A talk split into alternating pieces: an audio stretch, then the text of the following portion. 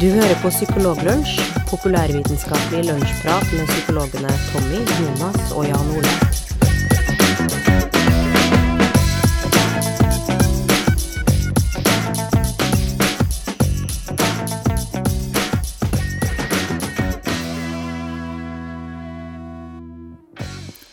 Hei, hei, hei, og velkommen til en ny episode Psykologlunsj. En Tesla driver og går i rute rundt sola, er ikke det den gjør? Feit rundt jorda, i hvert fall. Den fer rundt sola. Den er, på, den er på vei dit. Ja. Og er ikke rart at han eh, Rød Ødegård ikke har vært ute og snakka om det? Altså at, eh, at du får en sånn solformørkelse eller et eller annet snart pga. den Teslaen? Han, han uttaler seg bare om solformørkelse. Ja, det gjør han, vet du. Ja. Og ikke noe om Tesla. Det er synd, for det hadde vært artig. Uh, det her er jo en populærvitenskapelig psykologipodkast, og ikke en eh, som handler om eh, astronomi eh, og, sånne type ting. Så, så vi skal holde oss til det, det vi kan nå om. Foruten meg, som heter Jonas, så sitter en psykolog i Melhus som heter Tommy. Hei, Tommy. Hallais. Hallais. Og så sitter en i Drøbak som heter Jan Ole. Det gjør det. Et nytt sted, faktisk. Et nytt sted i Drøbak. Mm. Ja. Ja, før så satt jo jeg eh, i, under en trapp i Drøbak, og nå sitter jeg i et uh, nytt hus Mm. Uh, i et eget rom i Drøbak. Å, I studioet ditt. Mm. Og det, det gjør jo sikkert at dere vil merke at Jan Ole har litt annen lyd på, på mikrofonen sin. Og, Det kan fort være. og apropos det, så var det jo sånn at vi hadde en eh, konkurranse forrige gang. Eh, Da spurte vi dere om hvem var det som hadde kjøpt seg en ny mikrofon. Og de fleste han Mm. Tommy Mangerud, Mm. som satt i, i Melhus. Og det var jo egentlig veldig bra gjetta, eh, men eh, dessverre så var det feil. Det var det, altså. Ja, det var det. Det er Eh, sikkert og- noen andre grunner til det, da. Det er Sant. sikkert jeg som har fått Har le, lena meg en centimeter nærme mikken eller noe sånt. Ja, det kan hende. Og så var det noen som påsto, ganske mange som påsto egentlig at det var meg òg. Mm. Og som de, liksom drev og tolka ting jeg sa og sånne ting. Og er det noe psykologer vet, så er det at det ikke lønner seg. Så, så det ble ikke. Bit ikke på oss. Det var ikke riktig, så det ble ikke noe palmeolje på, på dem heller. Eh, så, så da var det Viste seg faktisk at det var Jan Ole som hadde kjøpt seg en ny mikrofon. Eh, og da gjorde vi en avansert eh, trekning. Mm. Vi satte oss lenge inn i hvordan vi skulle gjøre det her med trekninga, da. Siden det var hele to stykker som hadde gjetta riktig at det var Jan Ole. Og gjennom den avanserte trekninga så fant vi ut at det ble til slutt Simen Solheim som vant eh, palmeolje. Så vi klapper, Ja, klapper for Simen. Dessverre, da, så er det sånn at eh, Lotteritilsynet har sagt fra til oss at vi har ikke lov til å lodde ut uh, palmeolje, så derfor har vi valgt eh, i stedet å gi bort en kopp. Som man kan drikke egenkjøpt palmeolje fra. Det kan man. Sant? Vi oppfordrer jo egentlig til det. Nei, vi oppfordrer ikke til det, men eh, det går an. Nei, vi oppfordrer ikke til det. Går, Ja, nei, nei. Det går faktisk, Vi har ikke lov til å si at vi oppfordrer til det, men, eh, men det er faktisk ganske behagelig å drikke eh, palmeolje fra den. Det har vi lov til å si. Ja, det kan vi si. Og noe annet som det er ålreit å drikke fra det, er a teacup full of brain. Som det står også da på koppen. Det er ikke en tekopp, da. Nei, Det er et kaffekrus, så det tar vi selvkritikk på. det er sant. Og så for observante lyttere, så er jo teksten A teacup full of brain fra en av eh, de tidligere episodene våre. Så er det, det, Ja. det er en liten eh, referanse til en tidligere episode. Det er rett og slett et sitat fra en pasientjournal. Mm. Så eh, jeg er jo litt frista til å si at vi skulle ha lodda ut eh, en ny kopp, eh, hvis noen greier å finne riktig episodenummer. Det er jeg enig i. Vi lodder ut en ny kopp til de første som på Facebook-siden vår skriver hvilken episode det er fra. Ikke sant? Sant. Man må oppgi et episodenummer. Det er, er sant. Så vi lodder ut en kopp til den første som sier hvor det Og det, det og da, det blir Det er avansert. som hjelper for oss, altså. for da slipper vi, altså, da, da oss å trekke. Eh, da eh, Vi har et fullspektra program, så vi Med må videre. mindre- Med mindre Lotteritilsynet setter ned foten for uh, å lodde ut samme gave to ganger. For det kan jo være at de, de har, eh, har problemer med. Sant? Men heldigvis så kommer den koppen i fire ulike farger. Eh, og Ja, er her er det et uant eh, sånn, Det er en uant mengde varianter du kan ende opp med av den eh, koppen. Eh, Men øh, forresten, det er viktig. Simen må jo nødt å, han er nødt til å sende oss en melding. eh, Eller en e-post. Melding på Facebook-sida eller en e-post, så vi får tak i adressen hans. Ja. Så det må du gjøre, Simen. ja, sant. Det er ikke bare Tesla som har blitt skutt ut i rommet. Altså, det er kanskje en av de største begivenhetene nå i nyere tid. En annen begivenhet som er litt sånn trist er jo at gründeren, eller hovedmannen bak Ikea, Ivar Kamprad, eh, eh, gikk jo bort her for en liten stund tilbake. Eh, og i anledning det så skal vi snakke om noe som heter Ikea-effekten. Og det skal Jan Ole snakke om senere i programmet. Men først skal vi snakke om en Aftenposten-artikkel som en Tommy har satt seg inn i. Mm. Hvor leger har gått ut og gått litt i strupen på noe vi alle um, tenker er bra for oss, nemlig trening. Kan ikke du Mm. starte litt med det, Tommy? Jeg skal gjøre det. Um, ja, det var nå eh, 5. februar i 2018 at uh, det var en artikkel da, i Aftenposten fra Kåre Harald Bøn, Bønå, overlege i hjertemedisin ved St. Olavs hospital uh, og professor ved NTNU og Universitetet i Tromsø, Norges arktiske universitet. Og faglig leder for Norsk hjerteinfarktregister. Voldsomt tittel. Veldig mye titler. Eh, og Ulrik Wislaug, professor ved Norges, altså ved NTNU. De hadde skrevet en artikkel hvor de eh, eh, Åpningslinja i den artikkelen var ganske Den er altså Vi kan ikke stille lavere krav til dokumentasjon av helseeffekter av levevaner enn vi stiller til dokumentasjon av legemidler. Eh, og da er påstanden deres at eh, for, for det er jo sant, når, vi skal, når det skal lanseres nye medisiner på markedet som man antar har en helseeffekt, da, så er det strenge krav eh, til det. At eh, det må være god dokumentasjon for at eh, medisin har effekt, hvis den skal tillates å selges til pasienter. Og fysisk trening er noe som som eh, leger og helsepersonell og folk flest eh, slenger rundt seg da, med at eh, er lurt. Og de her da, de mener at det er faktisk ikke så utrolig god dokumentasjon som ligger bak langtidseffektene av fysisk trening. Nei. På hva da? Ja, de har gjort litt forskjellige ting. De har blant annet eh, Altså, det er en eh, sånn såkalt Cochrane-litteraturgjennomgang som ble gjennomført i 2016. eh, Som blant annet da undersøkte at mange av de studiene som gjøres av effekten av fysisk aktivitet, f.eks. på eh, hjerteinfarkt, har for få pasienter til at man kan si noe sikkert om eh, langtidseffekten. Eh, Det er mange kortvarige studier, det er veldig mange sånne observasjonsstudier som har vist at det er en sammenheng mellom eh, fysisk aktivitet og redusert risiko for mange sykdommer, men man vet ikke om det er noen årsakssammenhenger. da. Så denne gjennomgangen da, fra 2016 viste at langtidseffektene av fysisk aktivitet er forbausende dårlig dokumentert. De mener da at vi vet ikke om trening fører til at pasienter som har hatt hjerteinfarkt, lever lenger, eller om trening beskytter mot å bli syk på nytt. Vi vet heller ikke om trening beskytter mot hjerneslag eller andre alvorlige sykdommer. Om fysisk aktivitet forebygger sykdom hos friske personer, vet vi heller ikke. Og det har ikke vært utført kontrollerte studier for å teste om trening forebygger sykdom. Og av de eh, undersøkelsene som er gjort, da, som, eh, som eh, har vist at, um, at det er assosiasjoner mellom fysisk aktivitet og redusert risiko for å bli syk, så har man ikke greid å kontrollere godt nok for andre typer ting. Som uh, kosthold, røyking og eh, genetikk. Altså, det kan jo være at eh, perso de personene som er fysisk aktive, allerede skiller seg fra dem som er inaktive, ved at de har et sunnere kosthold, røyker mindre, eller at det er genetiske forhold som gjør at det er lettere for dem å trene. Mm. Mm.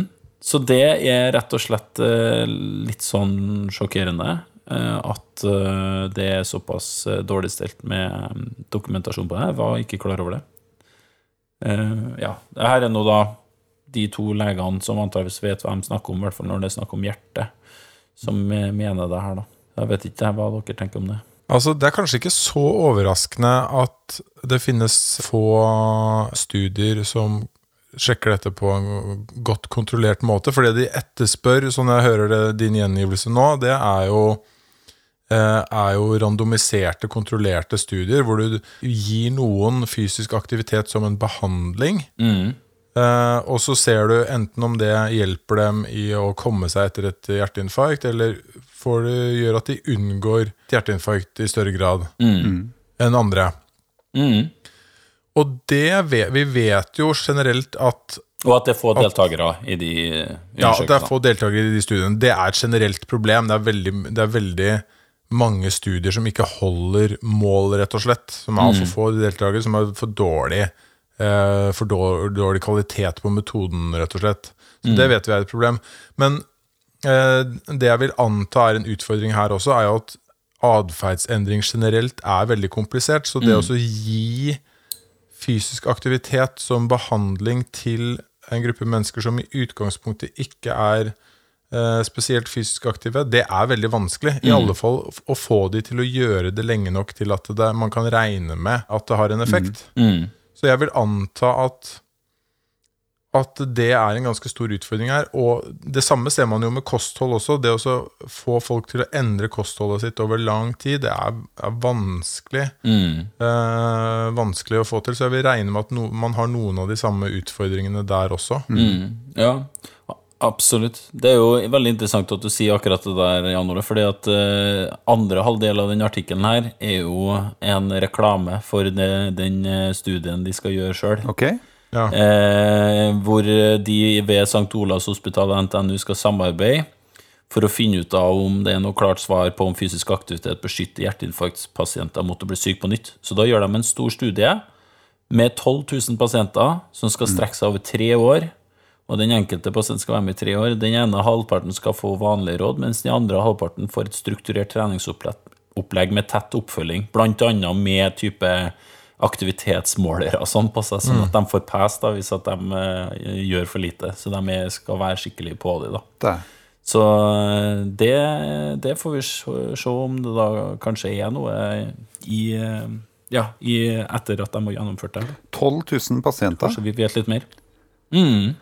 Så det, det betyr at 6000 Eller 12 000 pers personer, Ja. i hvert fall. Men det, det står i hvert fall her at det er um, for å beskytte hjerteinfarktpasienter mot å bli syk på nytt. Så det er antakeligvis hjerteinfarktpasienter. Ja, for jeg, jeg ser for meg at de må ha såpass store grupper, altså at det, fordi at jeg vet ikke, du, For å ha en en viss form for statistisk styrke, da, sånn liksom at du får nok pasienter som får eh, hjerteinfarkt på nytt igjen, på et vis, eller såpass alvorlige hjerteproblemer, så må de sikkert ha et veldig stort utvalg med, med mennesker som er med i den studien. Det, Mm. det skiller jo seg litt fra psykologiske studier, hvor du har ofte sånn selvrapportering, og hvor, hvor, altså, hvor du ser en symptomreduksjon. Sant? Mens eh, her eh, Mm. høres det ut som de har et ganske sånn eh, definert endepunkt, da, som handler om uh, om du får en uh, ny sykdom eller ikke. Mm. Det er det. Det som jeg tenker er litt interessant uh, for vår del, er jo det at vi snakker jo en del om det at psykologisk forskning skiller seg litt ut. At den kan være litt vag, og at det er ofte veldig små studier. og alt med sånne. Her er det snakk om hjertet, liksom. Altså, Jeg vet ikke hvor mye man har forska på, på hjertesykdom og fysisk trening gjennom eh, sikkert mange tiår, men skulle tro at det var ganske mye, da. Og likevel på noe så, ja, i hermetegn eh, konkret som eh, hjerteinfarkt, så eh, er det så dårlig dokumentert. Og nå, kan man da, nå gjør de, gjør de et forsøk da, på å gå bort ifra da, tenker jeg, all finansiering som er gjort på små, og da i deres øyne, eller Cochrane sine øyne, dårlige studier. da. Nå, I stedet for å bruke masse penger på de, så bruker de nå da bare å sette i gang et skikkelig stort studie da, med masse folk, og forhåpentligvis relativt randomisert og kontrollert. Det tror jeg er en veldig god idé. Mm. Og Det blir lang tid til vi ser noe sånt med psykologisk forskning, vil jeg anta. Ja, høyst, ja, høy sannsynlig. Noen ting er det kanskje Er man kanskje i gang allerede. Men eh, et, et eksempel på det med, med fysisk aktivitet er jo også det Vi vet jo for, for eksempel også veldig lite hvordan det påvirker mental helse. Ja. Vi har, så, vi har så vidt vært innom det her tidligere også, at det er også, det er også gjennomført få gode studier, så vi vet lite. Det er nok anbefalt uh, å bruke det som et uh, tiltak likevel, men, uh, men det er Bevisgrunnlaget er forholdsvis tynt. Mm. Og en ting jeg tror da er at når man kommer borti en sånn ting som det her, så, hvor egentlig det er en vedtatt sannhet at det er bra for hjertehelsen din, f.eks., så går ikke forskningen i retning av å finne ut av om det funker. Nei. Det er på en måte, det vet vi allerede. Så når jeg søker nå på de medisinske databasene, så er de fleste studiene omhandler hvordan er det man kan få folk i fysisk aktivitet. Ikke sant? Nettopp. De handler ikke om å sjekke ut om det funker eller ikke. Men jeg stussa litt på den, eh, den første setningen de hadde i den, eh, den artikkelen sin. Jeg vet ikke, Kan du gjenta den, eller? Mm. Vi kan ikke stille lavere krav til dokumentasjon av helseeffekter av levevaner enn vi stiller til dokumentasjon av legemidler. Ja, og det, altså Nå har jeg ikke tenkt det her godt nok gjennom, men det føler jeg kanskje ikke er riktig å si. Nei, hva tenker du da? Nei, altså øh, at, man, at man skal ha øh, Fysisk aktivitet, det har alle i livet sitt på en eller annen måte. Mm. Og vi vet litt om fysisk aktivitet. Vi er ganske sikre på at det ikke har store negative konsekvenser. Ikke sant? Og så Mm. sidestiller de det med introduksjonen av et helt nytt Mm. medikament på markedet, som, som man kan tenke seg at man ikke vet noen verdens ting om. Du vet ikke noe om den positive effekten, og du vet heller ikke om mulige potensielle alvorlige bivirkninger. Mm. Så jeg vet ikke helt om jeg ville ha eh, har sagt meg enig i den formuleringen der. Mm. Nei, øh, nå snakker jo du igjen da spesifikt om trening, for de sier jo øh, levevaner, men artikkelen handler jo om trening. Men det kunne jo vært øh, kosthold eller øh, noe sånt nå også. Men øh, i hvert fall når det gjelder trening, så har du jo helt rett. Det er jo noe menneskekroppen har bedrevet øh, i relativt lang tid. For dette her er jo eh, De skal teste ut et tiltak for å fremme fysisk aktivitet, som igjen skal påvirke helsa til dem som deltar, sant? Og det, mm. så det, det er jo tiltaket som eh, Også akkurat det opplegget de lager for de 6000 pasientene da, som er i den gruppa, det er jo dem, eh, det, er jo det man sjekker ut effekten av. Mm. Så de sjekker jo òg ut effekten av fysisk aktivitet, men det, det er jo kanskje det de er mest opptatt av, det er jo å finne ut eh, Altså lage gode helsetiltak som, eh, som medfører Som skal ha en helseeffekt. Og det å teste ut de, mm. de tiltakene man gjør i helsevesenet, er jo viktig. Sant? Mm. Så der, eh, der har vi jo Altså, det er jo en god del um, forskning på levevaner som vi tenker er bra for Altså endringer i levevaner som vi tenker er bra for, eh, for folk som har eh, enten altså i forebyggende henseende eller for personer som har vært syke, og, og hvor man skal forebygge at det ikke skjer på nytt igjen. Eh, Men eh, Mm. hvor, mye vet vi om de tiltakene eh, altså Hvis vi i helsevesenet skal innføre tiltakene som skal fremme det, hvor mye vet vi om at det har effekt? Det er jo viktig å få kartlagt òg. For mest sannsynlig så vil jo folk som har vært igjennom og altså opplevd å ha hatt en hjertesykdom, vil nok kanskje endre livet sitt en del i etterkant, uavhengig om de får et tiltak eller ikke. Så den, Det kan være. jeg vil tro det, og den gruppa blir jo kontrollert for her, da. Så de tester ut den, den eh, men, og de får generelle helseråd. Jeg vil jo tro at kanskje i de generelle helserådene så vil det jo sikkert være noe rundt eh, fysisk aktivitet der også. Vil jeg tro. Ja, jeg, jeg vet litt, litt om det, for det sto ikke så mye i den artikkelen eh, de skrev, da. Nei. Så, men de adresserer nå, i hvert fall tenker jeg, noen av de tingene de sjøl og Cochrane kritiserer, da, som størrelse og litt sånt. Og så, Ja. ja. Vi får nå se. Spennende. Jeg tenker, eh, Selve studien er nå så, så som så, men det er bare det at man har litt sånn Kanskje ikke så mis... Det er kanskje ikke så sikkert, det som vi tar for gitt, da. Eh, er jo interessant.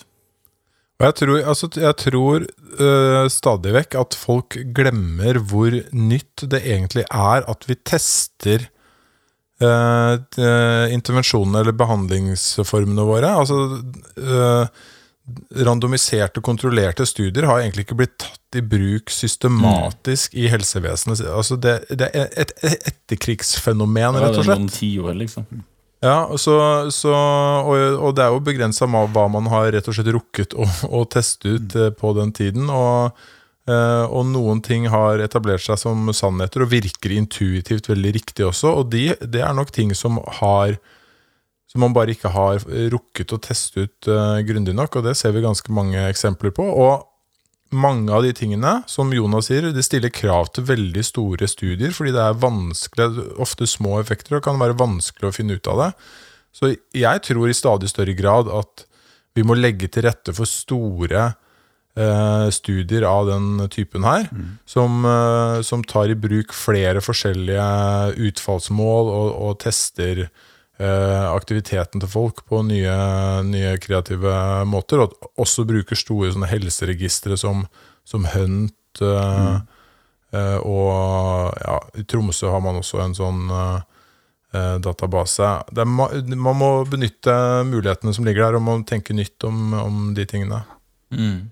Spennende. Eh, Det her er jo, det er jo et psykologisk tema, absolutt. Det, det, jo, det handler jo om endring av, eh, altså, endring av atferdsmønster. Og, og det, å, eh, det å finne ut hvordan eh, For, for jeg vil jo tro at dette her blir tett oppfylt over en periode. Mm, så at, det. så, og den tette oppfølginga medfører at de forplikter seg til, et, til en atferdsendring. Men fysisk aktivitet er jo noe som kanskje Jeg ser for meg de generelle rådene handler litt om å, å kanskje oppfordre til det, men samtidig da har ikke den eh, eksterne kontrolløren da, som liksom sjekker ut om blir dette her gjennomført og sånne type ting. Mm. Så det, det blir interessant å se på resultatene fra den studien. Eh, I Trondheim så er de jo Altså, det er jo i tilknytning til NTNU her, så jeg regner med det er knytta til det senteret som heter SERG, vil jeg tro. Det sto at det var en samarbeid mellom mange ulike Ja. instanser, ja. Så jeg vil tro det er flere av de her. ja. Så de eh, her har jo forska en god del på fysisk aktivitet og hjerte og sånn fra før, så det, det er godt kompetente folk. Um, Mm. Vi skal over på Ikea-effekten, vi. Uh, det, men det er ikke Ivar Kamprad du skal snakke om, Jan Ole. Hva er Ikea-effekten, egentlig?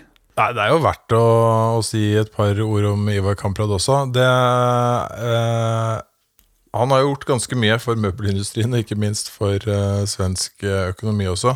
Det jeg lurer på nå, det er jo egentlig hva er det som skjer med de enorme midlene hans? Ja. Mm. Er det noen som vet det? Nei. Nei? Han var jo i en periode verdens eh, rikeste person. Ja. Mm. Det lurer jeg veldig på. Men det er ingen av dere som eh, vet det. Jeg har ikke lest noe om den. Det kan godt være at det har stått noe om det, ja. 350 milliarder kroner skal uh, det være snakk om. ja. Yes. Det er mange kjø... Og ifølge avisen her så står det, står det at en av hans uh, sønner ikke får en eneste krone. Oi, Oi. såpass. Aner ikke hvorfor. Det kan være mange gode grunner til det, og kan være at han får uh, andre ting istedenfor. Jeg vet ikke. Men denne Ikea-effekten, ja. Det passer også veldig bra å snakke om den, fordi jeg har eh, som sagt eh, flyttet inn i et nytt hjem, og da må man jo forholde seg til Ikea enten man ønsker det eller ikke. Man kan kjøpe ting eh, fra andre steder, men man ender opp med å kjøpe det fra Ikea.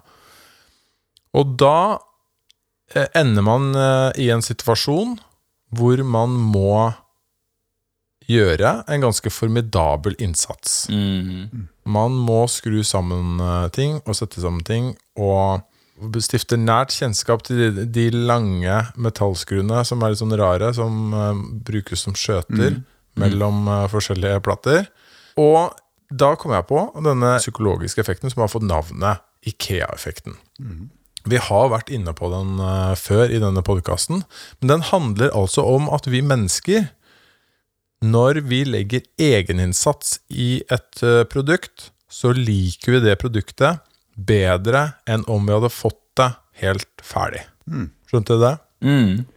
Ja, så hvis jeg åpner opp et Kinderegg som eh, har en eh, liten lekebil som skal settes sammen, så er jeg mer glad i den enn eh, det Kinderegget hvor det kommer en smurf som er ferdiglaga. Er litt sånn det er ideen. Det er litt eh, sånn ideen er. Altså, eh, se for deg at eh, noen hadde kommet uh, på døra di rett etter at du hadde skrudd sammen en uh, Pax-garderobe, og så hadde de sagt Surprise! Gratulerer, her har du en Pax-garderobe. Ja. Mm. Ferdig skrudd sammen. Da hadde du vært mer glad i din, uh, din egen sammenskrudde uh, Pax-garderobe Mm. enn du hadde vært i gavepaksgarderoben. Hmm. og da skal, jeg, da skal jeg bare fortelle altså, Bakgrunnen for eh, dette begrepet er eh, en studie som ble publisert i 2011. Der hadde eh, blant andre en som heter Dan Ariely, som vi også har vært innom eh, her før. Der, der lagde de en studie hvor de ba studenter om å brette sammen origamifigurer. Man fikk en, eh, en oppskrift, og så skulle man brette sammen en origamifigur. De figurene ble ganske stygge.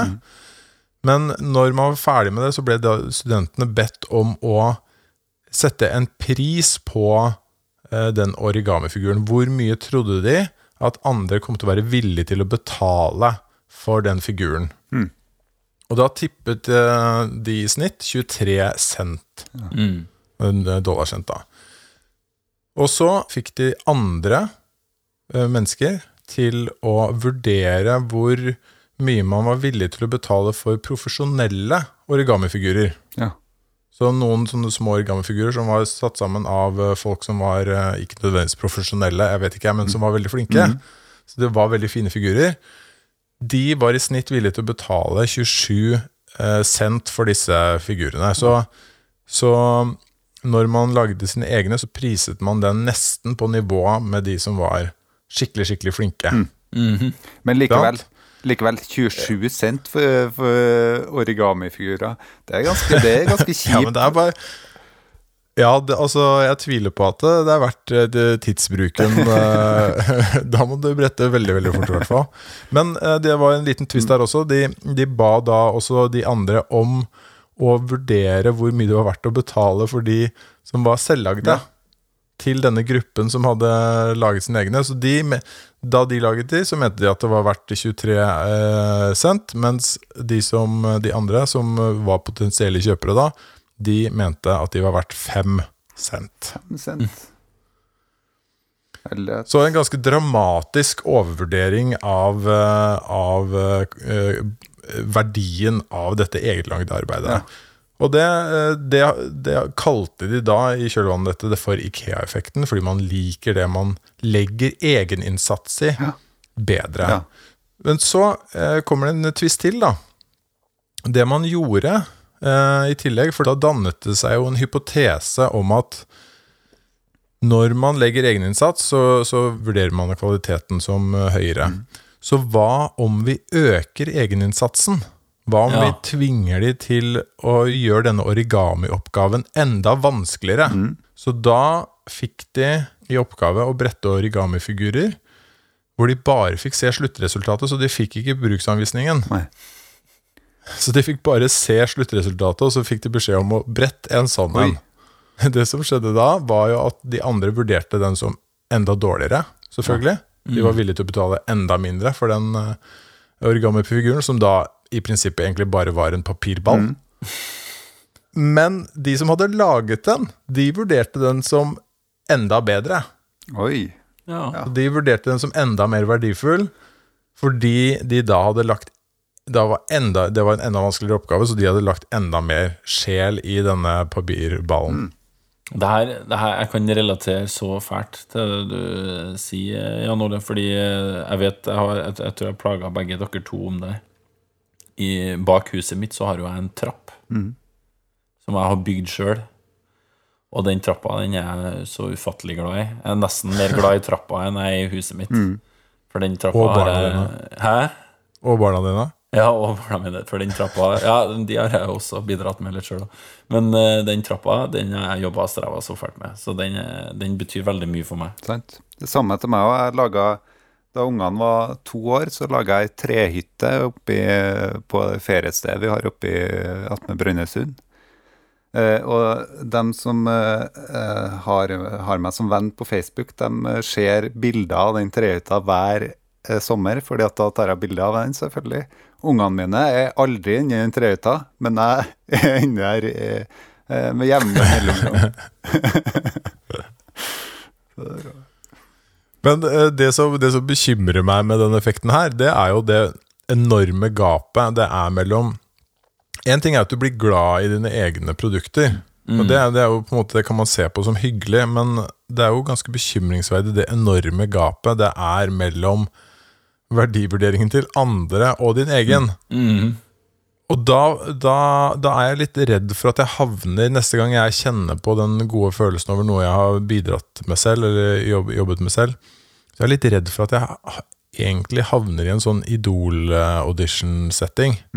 Hvor du kommer, og du har øvd deg, og du, og du synger, og, øh, og dommerne begynner å le. Ikke sant? Du føler at du er verdens beste sanger. De begynner å le. Og så, og så ender det opp i en sånn eh, spesialutgave av Idol hvor de viser de verste av de verste. Eh, og du er blant dem. det er jeg litt redd for. Neste, altså Billighyllene her er, ser veldig bra ut, altså. Det gjør de. Men eh, det kan være til å overvurdere litt. Da. men det er jo Ikea har jo egentlig utradert den Ikea-effekten sjøl, for det er jo når du går ned attmed kassene på Ikea der, så har du i hjørnet der så har du den billigkroken. Og, og der, Ja. der er det jo ferdig satt sammen eh, ting, sånne bord og, og hyller og sånne ting. Gjerne satt sammen feil, at uh, ene hylla er opp ned eller et eller annet sånt. Og det Ikea gjør, er jo å kutte prisen sånn med 200-300 kroner. Så hvis man bare da tar seg en tur innom billigkroken og ser hva, hva produktene sine egentlig blir prissatt til når, når man lever hjem tilbake, så får man jo justert den, eh, den vrangfestingen. Ja, ja, det er et godt poeng. Men hva, hva mente du de hadde utradert, sa du? Nei, da, da har de jo uh, Ikea har jo prøver å rette opp i den Ikea-effekten uh, sjøl. Ja, ja nettopp, ja. ja, ja. Jeg, jeg synes jo du burde heller brukt begrepet at de hadde kampradert eh, det. Ja. Oh. Oh, det, ja. Du, Jeg føler at det hadde vært veldig At det kunne vært veldig Jonas. vet, vet du Ja, det Vet du, jeg har, eh, jeg, jeg har jo satt sammen en del sånne garderobeskap og sånne ting. Og, og jeg ser jo aldri på eh, bruksanvisning. Det, det hater jeg. Det er det verste jeg vet. Så jeg, jeg leser gjerne første sida, og så hopper jeg over noen sider og går litt sånn fram og tilbake til jeg finner ut at nå har jeg gjort alt feil. Så på det meste jeg har, eh, jeg har satt sammen sjøl, så er det ofte ei hylle som er opp ned eller at jeg har brukt feil skru på noen av hyllene, og så regner jeg med at dette kommer aldri til å bli sett, og sånne type ting.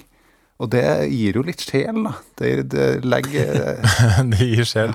Men, men eh, altså, jeg kan skjønne at man hopper over ting i bruksanvisninger sånn generelt sett, for i utrolig mange bruksanvisninger så er det så vanvittig mye overflødig informasjon. Er så, de er så dårlig laga. Men hvis du hopper over noen trinn i Ikea-bruksanvisningen, da er du ille ute, Jonas. Ja, det, det har jo det er jo ikke noe overflødig informasjon der. Nei, den, den er som oftest ganske grei. Men Ja, da vil jeg si at du har alvorlige oppmerksomhetsproblemer hvis du, hvis du ikke klarer å, å følge den. Jeg syns det, det, det byr meg imot, altså, å bruke sånne altså, oh, ja. ja. Det, litt, det handler litt mer om, mer om at du ikke vil eh, Du vil ikke høre på autoriteter Ja, og sånn. det, Er det, det handler om det. Eh, jeg har jo lyst til å ringe den som har laga den bruksanvisninga der. og egentlig, på 1. mai så skal jeg gå med en plakat sånn eh, at jeg ikke vil la meg eh, eh, dirigere av eh, Ikea og dems, eh, den bruksanvisnings... eh, eh, ja, hva skal vi kalle det, maktovergrepet som, eh, som Ikea ja. fører på oss. Ja. Når du har et problem, insisterer du alltid å gå til den øverste sjefen. Men bare for å runde av dette med Ikea-effekten, så faller jo dette inn ja, altså det, Dette er nært beslektet med noe som kalles uh, uh, endowment-effekt i psykologien, som egentlig handler om at mm. uh, når du får ting i ditt eierskap, så verdsetter du det mye høyere enn mm. en om Altså du verdsetter den høyere enn den samme tingen når den er utenfor ditt eierskap. Mm. Så med en gang du på en måte får noe i ditt eierskap, så vurderer du høyere. Og det er jo kanskje noe av grunnen til at eh, butikker driver og dealer med sånn 30 dagers åpent kjøp og 100 dagers åpent kjøp og sånn. Bare sørg for å få varen hjem til deg og gi deg et følelse av et eh, eierskap, så er sannsynligheten relativt liten for at du ender opp med å returnere den. Ja. Mm. Spennende. Denne podkasten verdsetter vi jo egentlig veldig høyt. Altså, vi, vi, vi, har satt en pris på den, eh, og den har vi sett ekstremt høyt. Uh, og vi fikk litt justert uh, forestillingene våre om det da vi ble spurt om uh, det her programmet kunne sendes gratis på Radio Trøndelag. Så hør på Radio Trøndelag. Der sendes det her programmet gratis. og det ligger også gratis ut på iTunes. Og det er kanskje like så greit. Husk å Så vi ikke blir erstatningspliktige. Husk å bidra på konkurransen vår. Og konkurransen vår i dag var Hvilken episode var det vi snakka om A teacup full of brain? Da har dere en unik sjanse til å vinne en kopp med valgfri farge. Eh, dere kan velge mellom eh, fargene Dark Night, som er rød, eh, Ocean Blue, som er blå, og så er det Sunny, yes. sunny Orange og uh, Red Velvet. Så da eh, velg mellom de eh, fire fargene, men først svar på hvilken episode snakka vi om Teacup Full of Brain. Da høres vi igjen om to uker. Snakkes.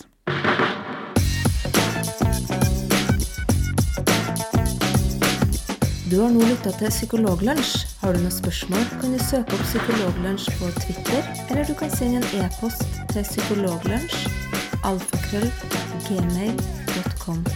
Mer informasjon om temaet du har hørt i dag, finner du på psykologibloggen.no og tankesmed.no.